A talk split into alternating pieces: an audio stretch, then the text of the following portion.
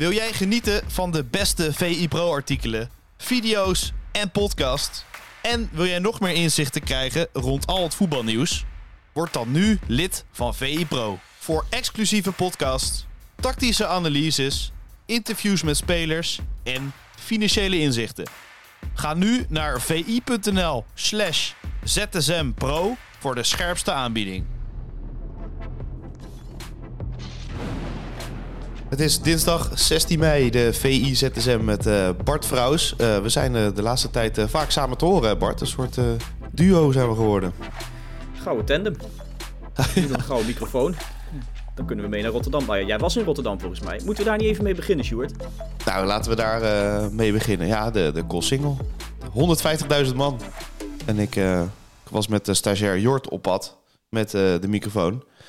Um, om wat mensen te spreken, dat, dat, dat was uh, leuk hoor. Maar uh, wij stonden echt helemaal achteraan gewoon in, in de, de fontein. Nou ja, dat is gewoon een paar honderd meter van het bordes. Dus uh, dat zegt genoeg. Je, je komt er helemaal niet ja, meer je bij. Je kwam er echt niet bij, toch? Ja. nee. nee, als je twee uur van tevoren er was, kwam je er al niet meer bij. Dus laat staan toen wij er waren. Maar ja, dan kan je alsnog mensen spreken natuurlijk. Dus sfeer was goed in ieder geval. Dus er zijn geen gekke dingen gebeurd of zo. Wat was het leukste interview? Wat was de leukste quote? Ja, ja, ze zeggen allemaal dat uh, ja, de ene zei 10 miljoen of 15 miljoen voor slot om hem te laten blijven. Maar één, één iemand zei, nou, gooi al het Champions League geld maar uh, in slot. Dus uh, vijfjarig contract, 10 miljoen per jaar. En houden die man. Nou, ik zag, nou, misschien zit er nog wel wat in ook als je die spelers dan bij elkaar kan houden. Ja, geen gekke suggestie. Misschien wel. Kunnen ze over nadenken in Rotterdam. Ja, dat is ook lekker. Hè? Dan krijg je die microfoon voor je hoofd. Dan kan je gewoon zeggen, ja, geef maar 50 miljoen. Dan uh, doet Feyenoord dat vast. maar er is gewoon Eredivisie hè, vanavond. Uh, vanmiddag zelfs, moet ik zeggen. Om drie uur. Groningen-Ajax. 81 minuten zonder publiek. Ja, ik denk 81 minuten met schaamrood uh, op de kaken. Ja, en we hebben het er gisteren ook al over gehad dat het van die dramatische wedstrijden zijn. Dat het dit doet terugdenken aan de coronaperiode. Um, anderzijds, ik vind het ook wel lekker dat er gevoetbald wordt, eerlijk gezegd. Dan mag je misschien ja, in de middag? Maar gewoon, nou ja, kijk, dat is het voordeel van ons werk. we worden ja, wel geacht die wedstrijden te kijken. Ik kan me voorstellen als je vandaag op kantoor zit dat het een, dat het een lastig verhaal wordt. En dat je dan ja, vanavond een samenvatting moet kijken en niet heel veel van de wedstrijd zelf meekrijgt. Uh, aan de andere kant, het is ook wel het ideaal moment om uh, zometeen de VI Live open te zetten als je op kantoor zit. Uh, dus bezoek vi.nl, even schaamteloze promotie. Dan kun je de wedstrijd ook gewoon volgen als je niet, niet gezien wil worden met een, met een, met het, een groen scherm op je, op, je, ja, op, je, op televisie voor je. Dus vi.nl krijg je ook alles mee. Mooi. Ja, geen supporters, maar verder kan je de wedstrijd wel normaal aanvliegen, toch? Want 81 minuten of 90, dat maakt niet zoveel verschil. Nee, nou het is grappig. Vorig jaar had je die, had je die wedstrijd tussen uh, Vitesse en Sparta, waar ze nog voor, de, voor een restantje blessuretijd uh, terug naar het Gelredome moesten. Uh, Sparta stond toen 1-0 voor en je had toen, je kon toen wekenlang voor, voor ja, toeleven naar die wedstrijd. Ja, super saai was het. Wildste, ja, het was super saai, maar iedereen had de wildste dingen om, om hoe je tactisch moest aanvliegen. Hè. Ga je voor de pot hangen, ga je eerst aanvallen, schiet je de ballen gewoon richting de cornervlag als Sparta zijnde en laat, je, laat je het Vitesse maar uitzoeken. Uh, nou, het was heel leuk om al die voorbereiding te horen. Uiteindelijk gebeurde er geen fluit. Ze scoorden ze nek, er werd ook bijna niet geschoten volgens mij.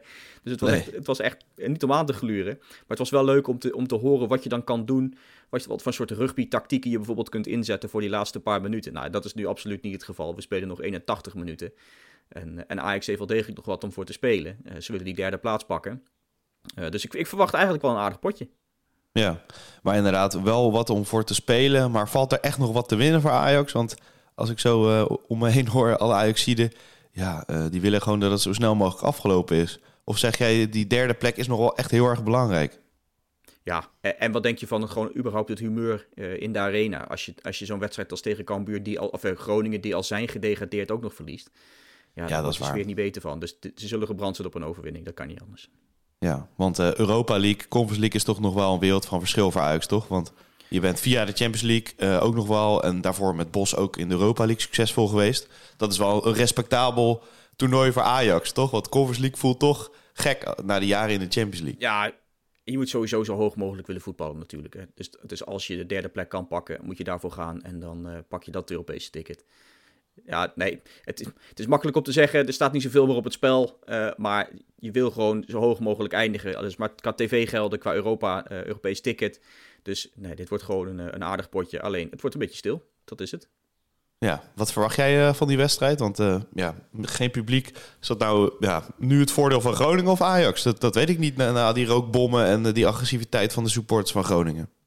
Nee, ik kan me voorstellen dat het voor de spelers van Groningen ook wel lekker is om even rustig te spelen. Ja, na alle daarom. ellende die ze over zich heen hebben gehad de afgelopen weken. maar aan het einde van de rit verwacht ik een overwinning voor Ajax. Dat lijkt me ook niet heel moeilijk te voorspellen, toch? Of wel? Nee, dat denk ik ook niet. Nee. Geen, gewaagde, en... geen gewaagde keuze van deze keer. nee, nee. Wat mij betreft de meest stabiele speler nog van Ajax dit seizoen Edson Alvarez. Die was het meest gelezen ook op vi.nl. Of een van de meest gelezen. Dortmund en Bayern geïnteresseerd in ja, zijn, zijn diensten. Ongeveer 40 miljoen wil Ajax. Ja, flink bedrag. Maar zou die echt wat kunnen toevoegen bij die clubs, denk je? Ja, dat is een goede vraag eigenlijk. Ik zat natuurlijk naar de selectie van, van Dortmund te kijken. Daar zou die misschien wel bij passen. Um, het, is, het is wel grappig dat, dat Bayern nu wel weer het vizier gericht heeft op Ajax. Hè? Dat ze, ze hebben Ajax een beetje leeggetrokken afgelopen zomer. Dat was niet, uh, niet uh, een heel groot succes. Ik kan me voorstellen dat dat ook wel een beetje zou meespelen bij Alvarez. Dat je weet van, aan de ene kant, ik kom wat bekenden tegen. Dat is misschien uh, een soort warm bad waar je in komt. Aan de andere kant, als die met, ja, met zagrijn op de bank zitten uh, dan, ja. dan, is dat misschien ook alweer een keuze om het juist niet te doen. Ik denk als ik van die twee moet kiezen, uh, je weet dat je bij Bayern misschien op de lange termijn meer wint. Uh, maar ik denk dat Dortmund een mooie ploeg voor hem zou zijn. Ja, heb je wel Emre Can bijvoorbeeld op zijn plek? Dat is toch wel een hele goede, goede voetballer. En voor mijn gevoel is hij al een stuk ouder. Die is pas 29 jaar. Dus die kan er ook nog wel eventjes mee. Maar dat is wel een concurrent. Ja, wie zou je kiezen op dit moment? Oeh, dat is een goede vraag. Ja, ik, dat durf, ik, dat durf ik eigenlijk niet te zeggen. Ik, ik zou nu misschien voor Tjaan gaan. Uh, ja. ik, ik weet eigenlijk niet hoe lang zijn contract nog doorloopt. Ik, ik, uit mijn hoofd zou ik zeggen dat het dit jaar afloopt. Dus dat zou ook nog wel een ding kunnen zijn. Dat ze misschien uh, nemen als, uh, als opvolger. pin me er niet op vast. Um, maar, 24. ja, Ah, contract. contract tot 24, oké. Okay. Ja, ja, ik dacht, ja. ik dacht uit mijn hoofd had ik tot, tot 23 zitten, uh, maar uh, dan is het dan 24. Nou, dan heeft hij inderdaad nog een jaar. Dan, dan zul je misschien zeggen, uh, verkoop hem dan als Dortmund zijnde. Dan kun je nog wel ja. wat geld vervangen. En met dat geld kun je dan weer doorschakelen naar, naar Alvarez. Dat zou een oplossing kunnen zijn. Ja. Um, maar goed, bij een topclub, als je daar binnenkomt, heb je natuurlijk altijd dit soort concurrenten. Het is een beetje flauw dat ik er eentje uitpak. Maar ja, ook bij Dortmund is het lastig voor hem, denk ik. Ja, nee, absoluut. En dat, dat, dat, dat maakt hem ook wel weer beter, denk ik. Het is ook niet als je binnenkomt dat je verzekerd bent van de basisplaats. Nee, dan, uh, dat je dan lekker op je, op je lauweren kunt rusten. Nee, het is goed dat hij ook een concurrentie nee. heeft daar. En, uh, en dat hij zich in het elftal moet knokken. Dus ja, want het is, uh, voor... ja. het is geen spectaculaire transfer zoals Donny van der Beek of Frenkie de Jong of, of Gravenberg voor mijn gevoel. Het is toch even, even net daaronder. Of, of denk je dat Alvarez juist ja, de kwaliteit heeft om te slagen in de top? Uh, nou, hij heeft wel wat kwaliteit. Hij zou misschien ook wat kwaliteiten moeten afleren. Iets met de kaart te pakken bijvoorbeeld. Ja, bijvoorbeeld. Uh, en en ik, ik vind het wel al aardig met, met zulke soort jongens is... Um, kijk, je had het over Donny van der Beek, Frenkie de Jong. Uh, ja, die houden wij altijd in de gaten als Nederlanders zijnde. Omdat je wil weten hoe het met ze gaat voor het Nederlands elftal. Uh, leuk, uh, omdat het simpelweg leuk is om landgenoten in de gaten te houden. Ik ben wel benieuwd hoe dat gaat met Alvarez. Dat je, of, of we die zo echt in de kijker blijven houden. Er zijn ook genoeg spelers die bijvoorbeeld in de Eredivisie hebben gespeeld... en daarna naar het buitenland zijn gegaan... die je toch wat meer uit het oog verliest.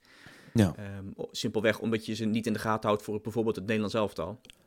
Dus ik ben wel benieuwd of, of dat met, met Alvarez ook het geval is uh, zometeen.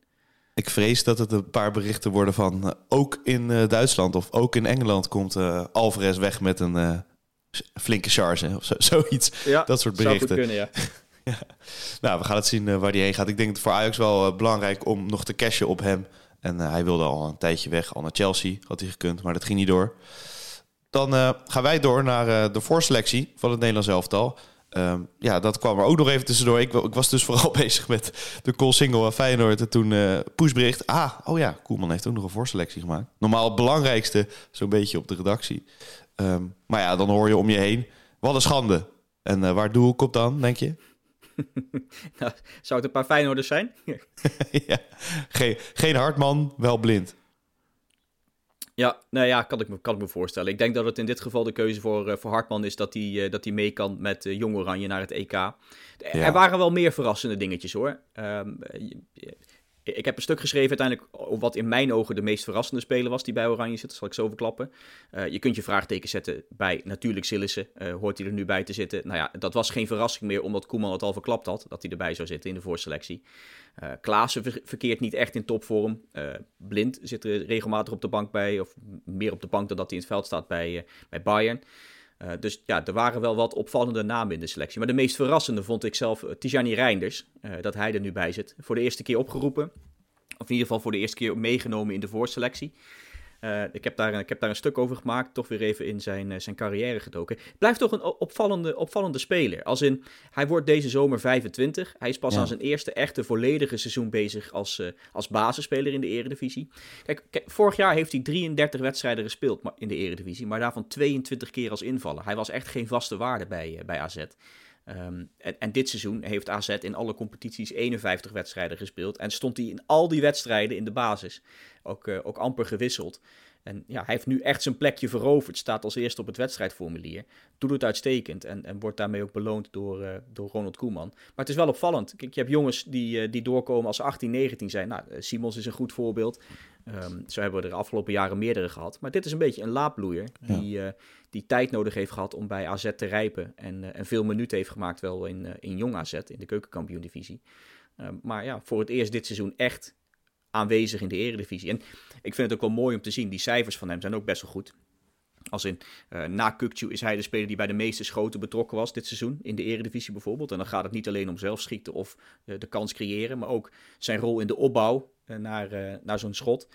Um, en wat ook opvallend is, is dat hij echt de ballen komt opeisen. En dan echt veel meters maakt met de bal aan de voet. Er zijn twee spelers in de eredivisie die meer meters met de bal aan de voet hebben afgelegd.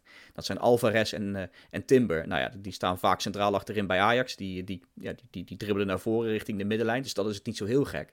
Uh, maar Reinder staat daar net iets voor. Samen met Klaasie. En die komt er iets inzakken, bal ophalen. En dan maakt hij een heleboel meters richting het doel van de tegenstander.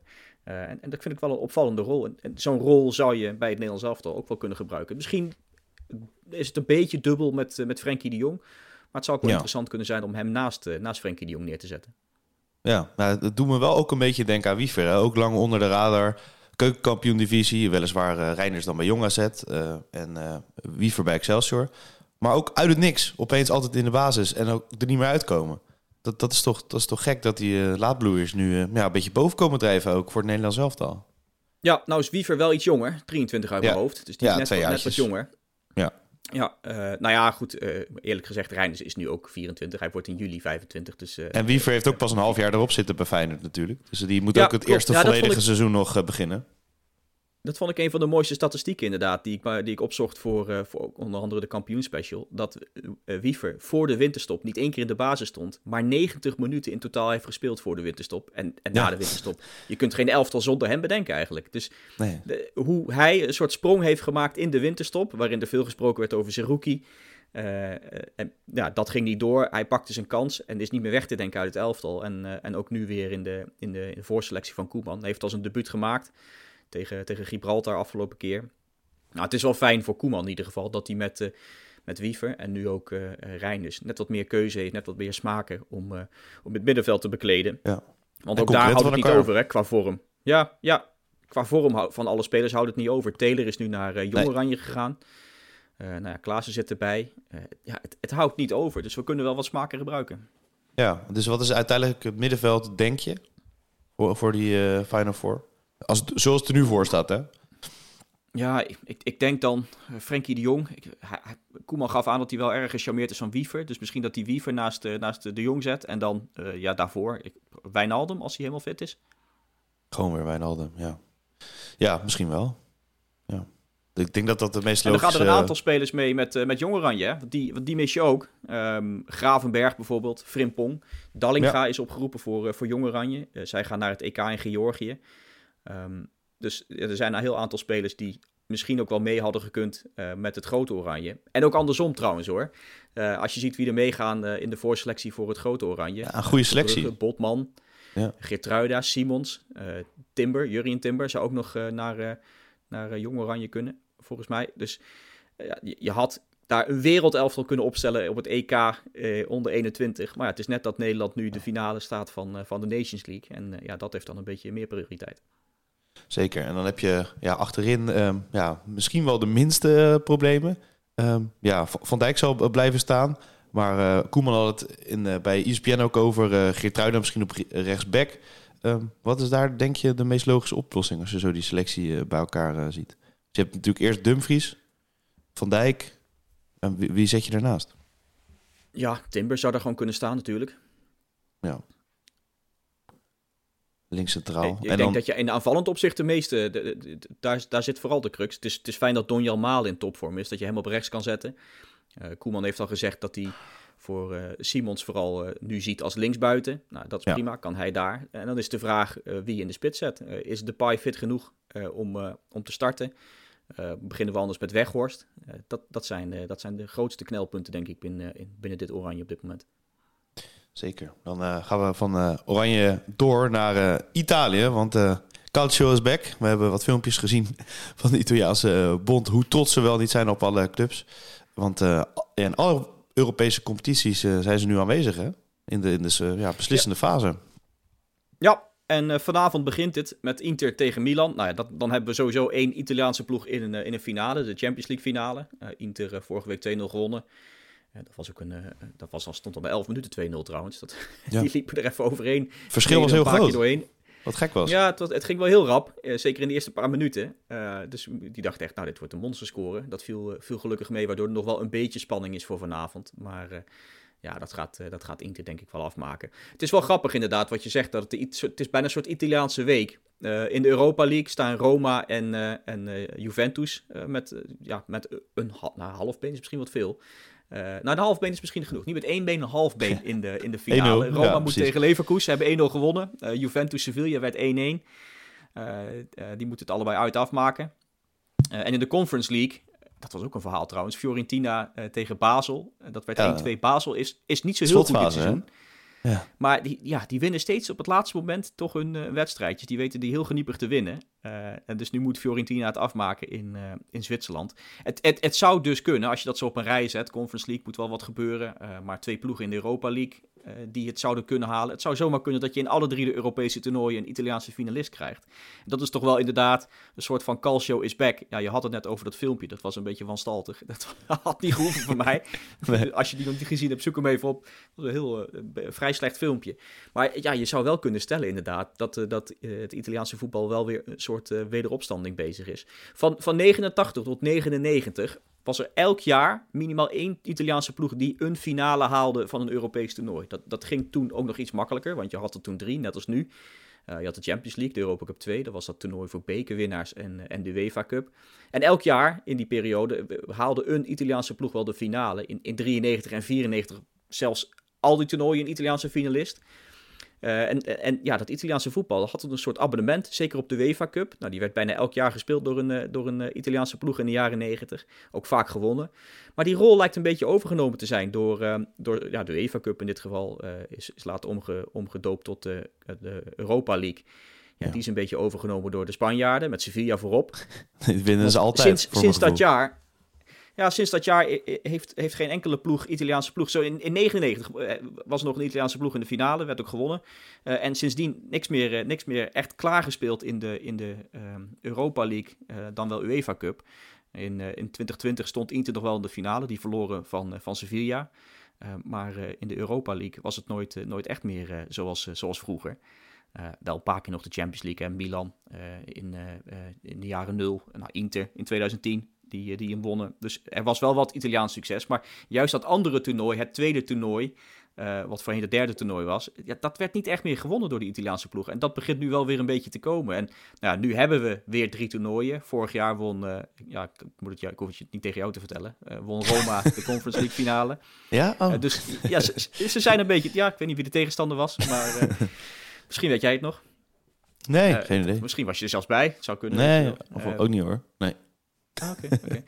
Eh, maar ja, het, het, eh, heel relaas. Maar het, het komt er eigenlijk op neer dat het Italiaanse voetbal wel weer een beetje terug is. Het is natuurlijk de vraag hoe lang het gaat duren. En je moet ook wel een beetje nageven. eh, de loting zat ook niet altijd tegen.